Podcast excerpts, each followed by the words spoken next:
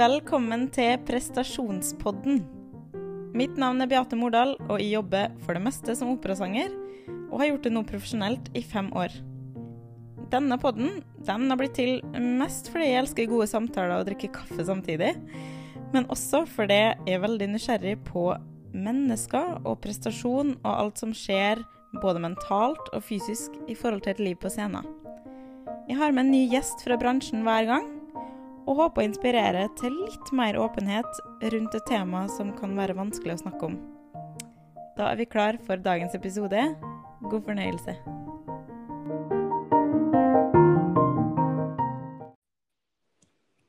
Hallo. Hallo! Hei! Tusen takk for at du vil stille og være med. Og um, ja, vi kan nå Kanskje jeg må nesten si da at dagens gjest er Tuva Semmingsen. og så Vi kjenner vel hverandre fra Danmark for det meste. Um, mm. Ja, vi har gjort ett prosjekt sammen, så vidt vi. Har vi gjort flere? Jeg tror vi er i hvert fall, Det jeg husker, er det barokkprosjektet i Larvik. Ja, det er det eneste jeg husker også akkurat nå. Ja, Da er det nok det. Men eh, ja, jeg har jo noen spørsmål, da. Til eh, Det er liksom det som er formen på denne podkasten her. Det er at de stiller ti spørsmål. Um, og så får vi bare ja, se hvor, hvor det tar oss hen, i hvert fall. Ja. Um, så jeg begynner med hvem er du? Det kan du få si lang eller korte drag, kanskje. Og hvor lang sceneerfaring har du? Oi, oi, oi. Ja. uh, jeg eh, startet på Musikkhøgskolen i 1993 eh, for Ingrid Bjoner, Hun gikk der. Og hun, Ingrid sa at jeg skulle til København. Mhm. eh, og gå på Operaakademiet. Og jeg gjorde jo det som læreren min uh, sa at jeg skulle gjøre. Så der gikk jeg i tre år, og så fikk jeg fast ansettelse på Det Kongelige Teatret direkte. Wow. Ja. Eh, så, så jeg hoppet liksom bare fra institusjon til institusjon. Eh, Mm. og det var i 99. Eh, og der har jeg vært i 16 år, og da valgte jeg å gå frilans. Mm. Eh, for det skulle skje noe nytt i livet mitt. Eh, og så har jeg da nå er jeg midt i gang med en masterutdannelse på konservatoriet her i København, som er i elitesangpedagogikk, heter det. Jeg, bare, jeg pleier bare å si at det er vokalpedagogikk. ja. Wow. Ja, Det Så, så det er eh, Ja, det er kjempespennende. Mhm. Det er liksom et nytt kapittel i livet som, eh, som, eh, som åpner seg. Men det vil si at jo, jeg har, har stått på scenen i 21 år, da. Mm. Og på der, ja. konsertpodiet i sikkert 25. Wow. OK. Så du har litt erfaring, da. Ja, lite grann. Det er jo helt nydelig. Um, mitt neste spørsmål er da hva var ditt første møte med scenen, og hvordan var det? Ja, det var, det var da i 99. Eh, på Operaakademiet var vi så heldige at vi fikk lov til å komme i praktikk. Eh, og jeg da i en alder av 24 fikk lov til å synge min første Kerubino eh, i Figaros bryllup. Mm. Eh, mens jeg fortsatt gikk siste året på Operaakademiet. Eh, og jeg husker eh, jeg var bare ung og glad og var som en svamp og tok til meg alle inntrykk. Mm. Eh, jeg husker ikke så mye av den produksjonen egentlig, annet enn at det var liksom noe med lakk og lær og sånn. Og det var ganske kinky. Hvordan var det når du var 24 år, liksom? Ja, det var vel helt greit, det. Men, men at Ja. jeg, husker, jeg husker det som liksom var annerledes. Det var det at regissøren ikke var pedagogen min for første gang. Så det liksom, jeg Mm. kunne komme med et bud som regissøren syntes var helt greit. Og så tenkte jeg å, men skal du ikke rette på meg og gjøre meg bedre? Liksom. Mm. Eh, Så det var liksom det første skrittet ut i den profesjonelle verden, hvor liksom, faktisk det jeg kom med, var godt nok. Så det Mm. var en liten øyenåpner. Mm. Hva, hvordan var det liksom å, å gjøre den premieren? Husker du det? Eller husker du liksom Husker ingenting. Husker Nei. ingen verdens ting. Det var helt borte. Men jeg husker veldig godt, eh, husker veldig godt altså Kerubino er en rolle som har forfulgt meg. Eh, jeg husker veldig Ja. godt eh, et halvt år senere skulle jeg synge samme rolle i en annen produksjon nede i Venezia. Og det, det glemmer jeg aldri, fordi da sprakk buksene mine midt i min store arie når jeg skulle ned på kne for grevinnen. Så med rumpa mot publikum så flekka den midt og tvert over. Å nei! Da var det bare å synge videre og tenke hvilken farge underbukse har jeg på i dag? Å guri. Oi, OK. Ja. Ja, så da ble du Men det var ikke liksom Det, var, det gikk ikke på sangen, det gikk mer på du vet, ja, kostyme og litt sånn derre Du ble sikkert ganske flau. Var det, var det liksom andre som hadde uh, merka det, eller? Nei, ingen hadde merket det. Jeg hadde blå bukser og hadde sort underbukse. Så det var et veldig stort øyeblikk for meg, og meg alene. Ja, se der. Så der. Det er ofte sånn det er. Det er sånn det oppleves veldig sterkt sjøl, og så er det Ja. ingen andre som merker det. Um, ja, til, til, til, fin overgang til neste spørsmål. Da. Har du noen gang opplevd sceneskrekk eller sceneangst?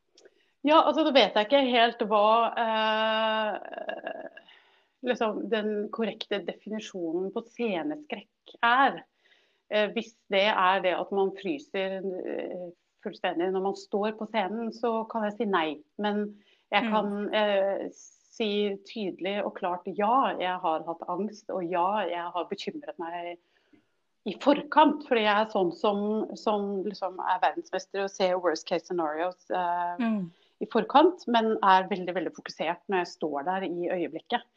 Ja. Eh, og, men altså, det gjør det jo ikke noe mindre ille, kan man si. Men, men Nei. altså eh, Overhodet ikke. Nei, for det går jo utover livskvaliteten, kan man si, eh, i Ja. perioder. Eh, men jeg kjenner jo meg selv så godt etter hvert nå at jeg vet at jo, en uke før prøvestart så går jeg i panikk og tror jeg ikke kan tingene mine godt nok. Og så kan jeg liksom klappe meg selv på skulderen og si du, dette har vi prøvd før. Eh, Mm. dette går ja. over. Ja, det, det syns jeg er veldig interessant å høre, egentlig. Fordi mm, jeg tenker også når man er litt yngre, da, så, så tenker man jo Jeg husker iallfall når jeg var yngre, så tenker man på de sangerne som er, som er allerede i gamet. Så tenker man jo på dem at de har bare det beste livet med ingen Du vet, ingen utfordringer, for de får jo bare jobbene. Og de har jo bare Du vet, de er bare på scenen. Og så kommer du på andre sida, du kommer liksom litt opp, og så er det bare sånn derre Ja, når er det du skal komme til den? Så merker jeg bare Å ja. Nei, OK, vi er alle på samme, litt på samme Ja. Altså selvfølgelig, du har jo en sånn sceneskrekk som er sånn på selve scenen når du synger, og liksom hindrer deg å kanskje synge ditt beste, da. Men så har du også alt det rundt som du snakker om, at at det på en måte faktisk gjør litt med livskvaliteten din. At man blir så Absolutt. Og jeg Ja. tror helt klart det også påvirker min prestasjon. Altså hvis, hvis jeg hadde vært Altså det finnes jo de sangerne som bare Åh, jeg skulle ønske jeg hadde et lite grann av det. Noen som bare kommer inn. Ja, de kan kanskje ikke materialet sitt godt nok, men de smiler og er så glad og tenker jeg er en gave til denne produksjonen. Mm. Og så Oi, det sang visst litt feil, og det gjør ikke noe, liksom. Eh, sånn har jeg aldri vært. Jeg, jeg stiller enormt høye krav til meg selv. Og jeg skulle ønske at jeg kanskje hadde litt, litt grann av, eh, av den derre verdensvante som bare seiler inn fra venstre. Og ja, det var, var visst ikke helt perfekt, men det er godt nok, liksom. Ja. Eh, så, så helt klart det, det, det påvirker også min prestasjon. Jeg tror helt klart jeg kunne eh, gjort det enda bedre hvis jeg ikke bekymra meg så mye på forhånd. Men, men jeg tror det er, vi, er ute i marginer som kanskje ikke publikum merker, men, men det går utover min livskvalitet, da, kan man si. Mm, nettopp. Altså Mitt nette, neste spørsmål er jo bare hva lærte du av det? Men kanskje jeg kan vri det litt til at eh, Det er kanskje litt sånn stort vanskelig spørsmål, men hvorfor tror du Hvorfor tror du vi er så utrolig opptatt av å være så perfekt? Fordi jeg tenker jo det er en sånn samfunnsgreie, da, men det er sånn Det er også noe kanskje spesielt med operaverdenen, da. Altså når man skal gjenskape noe som har vært gjort Ja, Ja, eh, altså jeg, jeg tror liksom hele strukturen med utdannelsesforløpet Mm. er veldig fokusert på hva vi gjør feil. Mm. Eh, jeg kan huske da jeg gikk på Operaakademiet, så hadde jeg en coaching med en pianist. Og det var sånn Jeg skulle bare synge en duett, og jeg kom bare én frase gjennom Mm. før jeg ble stoppa. Og det var mye snakk om hva jeg gjorde feil, hva jeg gjorde feil. Og så Mm. sånn på eh, forsøk nummer 17 så, så sa- sang jeg samme frase igjen. Og så stoppa jeg bare. For jeg var helt sikker på at han skulle stoppe meg og si hva jeg hadde gjort feil denne gangen også. Ja. Og så sier han 'hvorfor synger du ikke videre'? Å, men skulle du ikke rette meg? Liksom. Så jeg tror eh, den, den metoden som vi har arbeidet altså Det er jo en gammel, gammel, gammel tradisjon med mesterlære, gjør som meg, liksom. Eh, er veldig fokusert på hva vi gjør feil. Og det er noe Mm. jeg virkelig prøver å ta med inn i mitt virke nå som pedagog, er at jeg skal være ultraoppmerksom på å påpeke det som eleven gjør riktig også. Eh, det syns jeg er kjempeviktig. Mm. Så det er liksom den ene siden av det. Men uh, jeg har lært masse, masse annet om uh, angst og sånn også. Jeg. For at jeg, jeg uh, gikk til slutt til en hva er det det heter, metakognitiv terapeut på Olympiatoppen. Og det var kjempeinteressant. OK. For uh, han, altså Kognitiv terapi er noe med å gjøre deg oppmerksom på hvilke dialoger du har uh, oppi hodet, som kjører liksom non-stop, som et sånt bakteppe. Og Mhm. da gikk det opp for meg at jeg eh, bekymret meg for å føle meg ansvarlig. Så, så for Altså hvis jeg ikke bekymret meg, så ville jeg føle meg useriøs og uansvarlig. Så det var Mhm. virkelig en øyenåpner for meg. Mm. Eh, at det faktisk går an å være ansvarlig, og så ikke se worst case scenarios i alle situasjoner. Og da tenker du eh, Hva tenker du at du er ansvarlig for, på en måte? For hele produksjonen. OK. Det tror jeg. Eh, Ja. Så det var en øyenåpner å liksom kunne få lov til å slippe på, på å, å skulle være forut på alle eventualities, hvis du skjønner hva jeg mener. Mm. Hvis, hva hvis Mm. jeg blir syk? Hva hvis? Hva hvis? Hva hvis? Alt Mm. dette. Wow. Det er veldig interessant. Mm. Det har jeg ikke, ikke hørt om før. Nei, jeg hørte Ane Brun bli intervjuet, og hun hadde eh, hatt en, en litt sånn oppvåkning som lignet veldig på det. Ja. Så, så jeg er ikke alene. Ah, OK. Mm. Jeg, jeg, jeg, bare, jeg er bare interessert sånn i forhold til det her og da. Eh, ville du bytta det du gjør, altså livet på scenen, da, med noe annet, hvis du visste det du vet nå i dag? Ja. Altså, jeg, tror, jeg tror vi alle sammen kan si at vi har hatt noen sånne øyeblikk hvor man bare sier åh, jeg skulle ha blitt dyrlege i stedet. Mm. Eller jeg skulle ha blitt tannlege, eller jeg skulle ha blitt maler. For da kan jeg liksom bare legge fra meg arbeidet, og så kan jeg gå hjem når arbeidsdagen er Mm. over. Men jeg, jeg tror eh, for mitt eget vedkommende at jeg ville ha blitt en veldig veldig uforløst eh, dyrlege som hadde tenkt sånn Hva hadde Å, jeg skulle ha stått på de store scenene og sånn. Eh, når det er sagt, så, så tror jeg ikke egentlig at sånn eh, I mitt tilfelle at min personlighet er 100% kompatibel med det å skulle stå på en scene. For jeg er egentlig ikke uh, voldsomt ekstrovert. Uh, okay. så, så jeg elsker musikk, og jeg elsker å være i musikken. Jeg elsker å være i en rolle. Men Mm. jeg har ikke et behov for å, å liksom Alle øyne på meg. Jeg har ikke behov for å være i sentrum. Og det, uh, det tror jeg har blitt sterkere med alderen også. At jeg føler litt sånn at det behov for å ikke være i sentrum er blitt større etter hvert. Og Ja. det er kanskje derfor jeg nå ønsker å eh, sånn litt så stille få et ben over i eh, undervisning, da, så at jeg får lov å arbeide med musikk. Arbeide Mm. med stemme, som fascinerer meg så veldig. Men at jeg kan si sånn Og nå, vær så god, nå er det din tur til å stå i sentrum. Så kan jeg trekke meg pent tilbake i et hjørne. Liksom. Mm.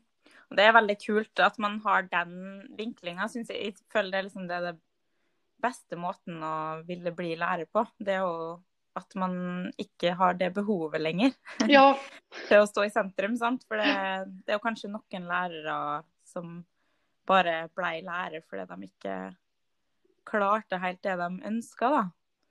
Ja, der har jeg vært fryktelig heldig, for jeg har hatt veldig gode Mm. lærere opp gjennom årene som, som har liksom gitt meg den plassen. Så det er ikke Ja, det, sånn det er så bra. Ja. Nei, ja, samme her. Virkelig. Uh, men hva syns du er aller artigst med å opptre? Da er det kanskje Ja, det har jeg vel allerede sånn sagt litt. Det Ja. der med å få lov å bade i musikken, få bade i historien og Mm. glemme seg selv. Da har jeg det best. Mm. Når liksom min prestasjon ikke er i fokus. Og det kan godt være Det kan fint være en, en stor arie som er vokalt utfordrende for meg. Jeg husker da vi gjorde Askepott her i eh, København. Da slutter jo hele arien, eller hele operaen slutter med en sånn kjempebravurarie. Men da var det liksom korsangere, og det sto sceneteknikere i vingen, og du står i vingen og ser på teknikerne eh, som gjør eh, det de skal. og eh, Noen har et lynskift med kostymetjenesten et annet sted. Og man tenker sånn åh, jeg er en liten brikke av denne store helheten. Ja. Eh, eh, og det er teamwork. liksom. Ingen, ingen ledd altså det, det hadde ikke blitt denne forestillingen hvis ikke alle ledd var i orden. Og da, da tror jeg at det, det er litt en måte å narre seg selv på. Så, å gå Mhm. ut på scenen og ha alle kormedlemmene rundt deg og sånn, så Nei, så hyggelig, nå skal vi synge sammen. Liksom. Selv om jeg skulle synge denne syv minutter lange halsbrekkende arien. Ja. Ehm, så, så det å få lov å være en liten brikke av en stor, vidunderlig helhet, det syns jeg er uh, Ja, det Fantastisk. kan jeg virkelig kjenne meg igjen i. Jeg husker når jeg var med på Figaros bryllup. Det er også sånn der, virkelig sånn teamopera, og det tenker jeg også generelt og jeg òg, da. Ja. Altså virkelig sånn teamwork fra ende til annen. Du kan ikke Det går ikke om den ene brikken mangler. Nei, Uansett nemlig. hvor stor eller liten den er, liksom. Og det er liksom i samspillet med dem du er sammen med, det være seg medsangere eller teknikere eller påkledere. Det er der Mm. magien skjer. Liksom. Mm, absolutt. Eh, hva kan være kjipest med Ja. å opptre? Ja, det er jo ensomhet, da. Eh, Mm. og eh, forkjølelser, vil jeg bare Ja. si. Apropos korona. Ja, ikke sant. Uh, nei, det å være vekk fra familien, uh, det syns jeg sliter veldig. Uh, Mm. Før jeg fikk barn, så satt jeg ofte alene på et hotellrom og lengtet hjem. Og så Mm. fikk jeg små barn, og så hadde jeg liksom med baby og mamma, eller baby og svigermor, eller baby og mann Ja. hvor jeg var. Og da lagde man en, sånt, et sånt lite, en liten enhet som var et lite hjem, away from home. Ja. Eh, og så er de barna blitt så store at nå går de på skolen, og da kan jeg ikke bare ta dem med meg. Eh, og det syns jeg er veldig tungt. Og eh, da kan jeg sitte alene i en by, eh, i en nokså fin by, i, i et fantastisk hus, i en fin leilighet, og bare føle at jeg ligger til lading på standby. og Liksom, livet mitt er satt på hold for at jeg skal prestere de der tre timene i morgen kveld. Mm. Det kan jeg nå i min alder synes føles veldig meningsløst. Mm. Mm. Eh, og især da hvis det da er en eh, barokkopera hvor du kommer inn og du leverer din arie på syv minutter, og så går du ut igjen og egentlig ikke har så mye samspill med de andre eh, kollegaene dine heller. Eh, den siste operaen jeg gjorde nå nede i Sveits, da eh, var det to av sangerne jeg aldri var på scenen sammen med. Og jeg, jeg lærte dem liksom ikke å kjenne på de Mm. tre månedene. Og da, da, da tenker jeg sånn Er det virkelig verdt det? Mm. Og det er Det når du er eh, noen og 20 og er ung og sulten. Men når du har eh, 20-25 år bak deg og har Mm. tre barn og bikkje, så eh, merker jeg at det er noe jeg gjerne vil trappe ned. Ja.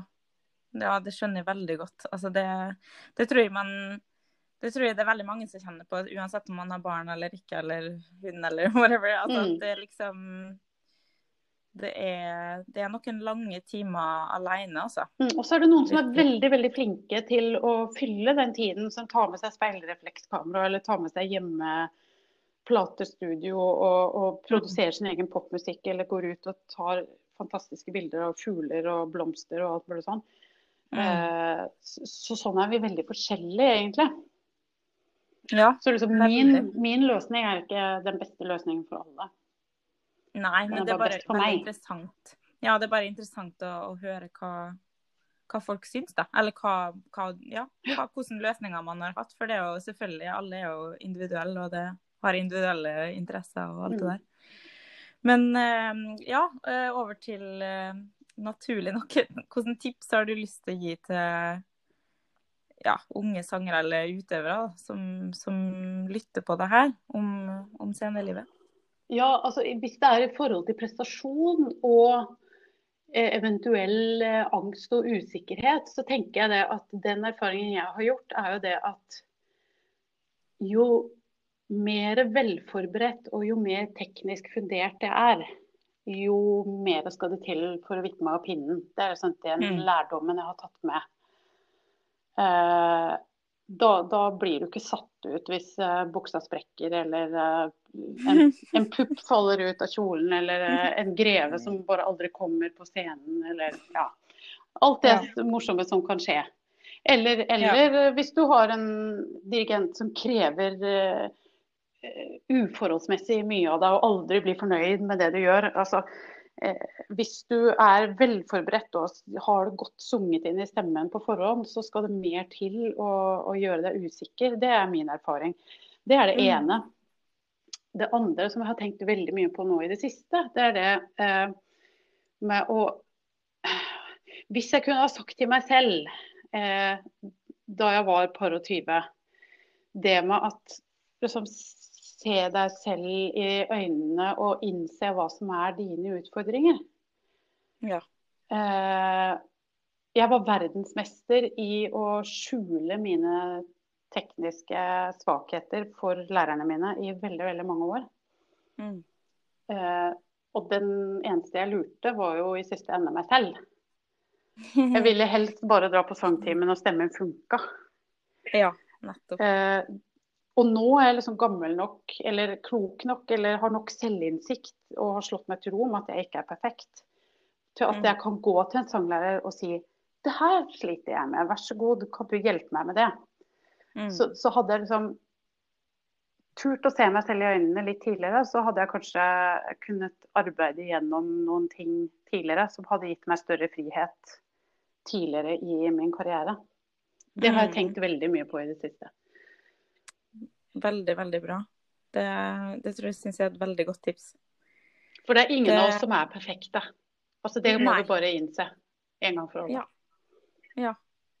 Har du noen eh, bestemte sånn i forhold til altså det å være forberedt da, og alt det der, eh, metoder eller ritual, even, eh, du bruker før du skal opptre? Altså du, nå sa du jo at du har ei uke der du går og er eh, litt eh, sånn nervøs, eller Ja. eh, har litt sånn kjipe tanker, men eh, har du noen andre ritual sånn rett før du skal på scenen, f.eks.? Absolutt ingenting. Uh, altså, jeg vil uh, Jeg husker jeg så en sånn der dokumentar om hun uh, svenske revyartisten Eva Rydberg. Som Mhm. hadde fått vite at etter siste forestilling så skulle hun legge kostymet sitt på gulvet og hoppe på det, for ellers så ble det dårlig karma. Og det var noen som hadde sagt som spøk, og etter det så gjorde hun det bare. Og hun var avhengig av det. Så jeg har bevisst eh, bestemt meg for at jeg vil ikke være avhengig av noen sånne rutiner eller sånne eh, Ja, nei, det vil jeg ikke. Eh, og ikke sånn der men hvis noen sier lykke til, at så må man for guds skyld ikke si takk.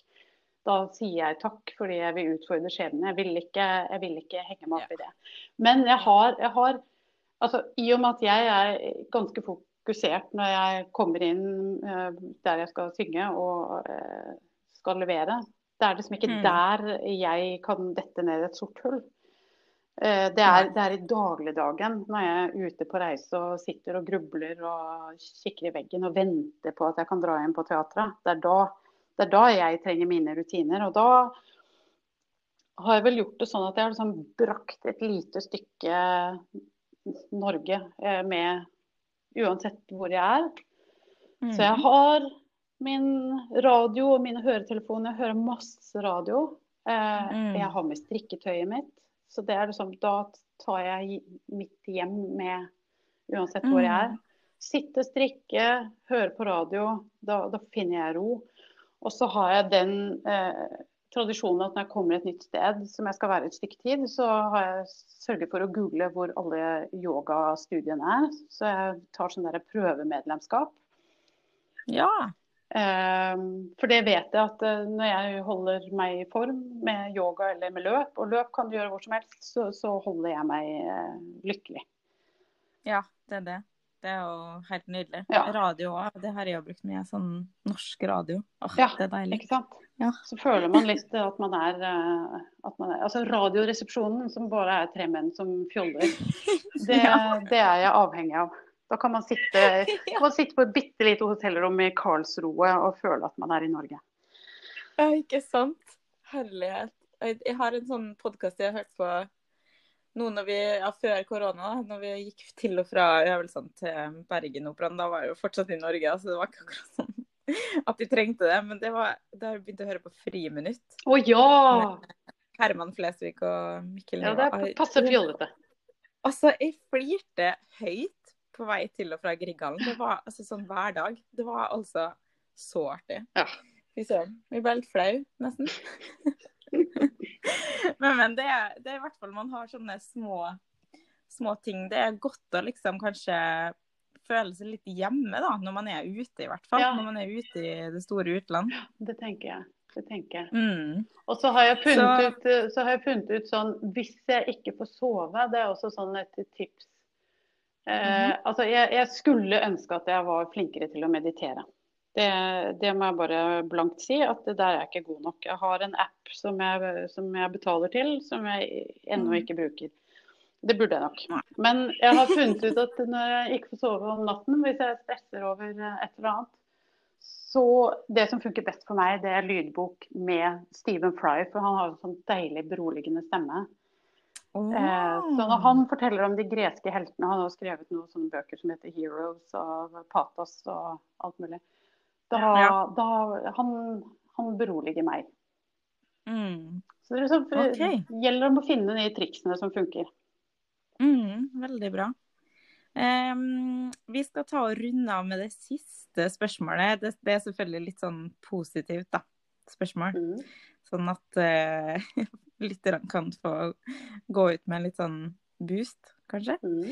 Um, så det, da vil jeg gjerne at du eh, forteller om hva er det, det aller beste du har opplevd på scenen, og liksom ja, det mest inspirerende øyeblikket ditt, da. Og kanskje du kan også fortelle litt om hvorfor, Ja. eller kanskje ikke.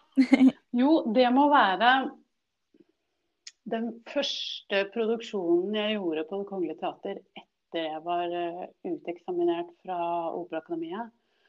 Det er Mm. nok også sannsynligvis den minste rollen jeg noensinne har gjort. Eh, Det var Jeg var tveite Knappe i Parsifal. Eh, altså jeg tror jeg hadde en replikk som var 'I'm Schwan', og det var det. Liksom.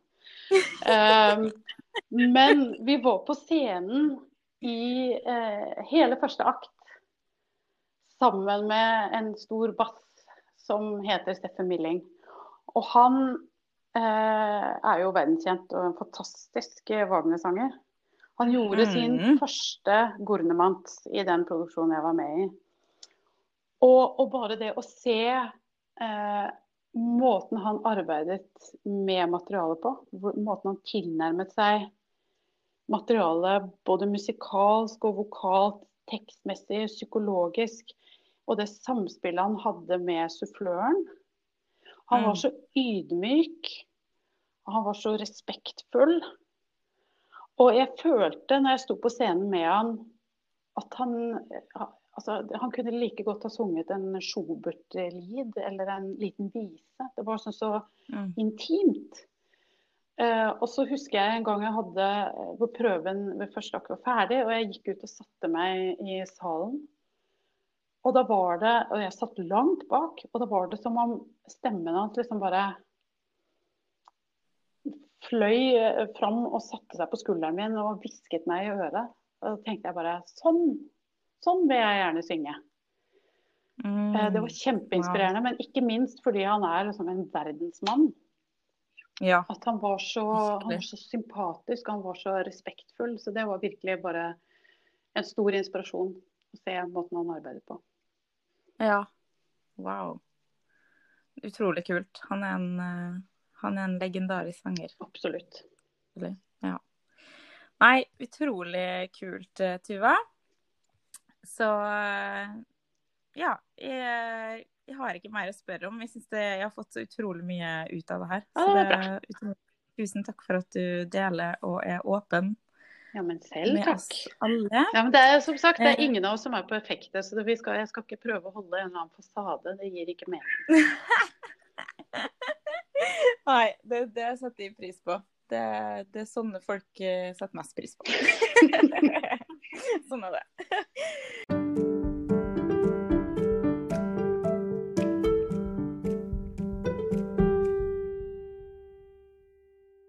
Det, men det er veldig kult du ville stille, i hvert fall. Jeg skal prøve å høre om det ble noen ting. Ja, Jeg håper, det håper jeg. mikrofonen min funker. Jeg, bare, jeg, bare, jeg, jeg får litt sånn stress noia, for disse bølgene går ikke opp og ned når jeg snakker. er litt sånn her- Ah. Mm, hvis ikke noe av det jeg har sagt har blitt tatt opp, så jeg blir litt stressa. Nå må du lese inn spørsmålene dine igjen. Nei, da må vi gjøre podkasten på Ja, nytt. da, og Det blir jo sånn da. Ja, men jeg kan godt være klok igjen, jeg. OK, ja, men jeg prøver nå, og så skal jeg gi deg beskjed. Supert. Yeah! Tusen takk i hvert godt fall. jobba. Yeah, du òg. okay, Vi snakkes. Ha det.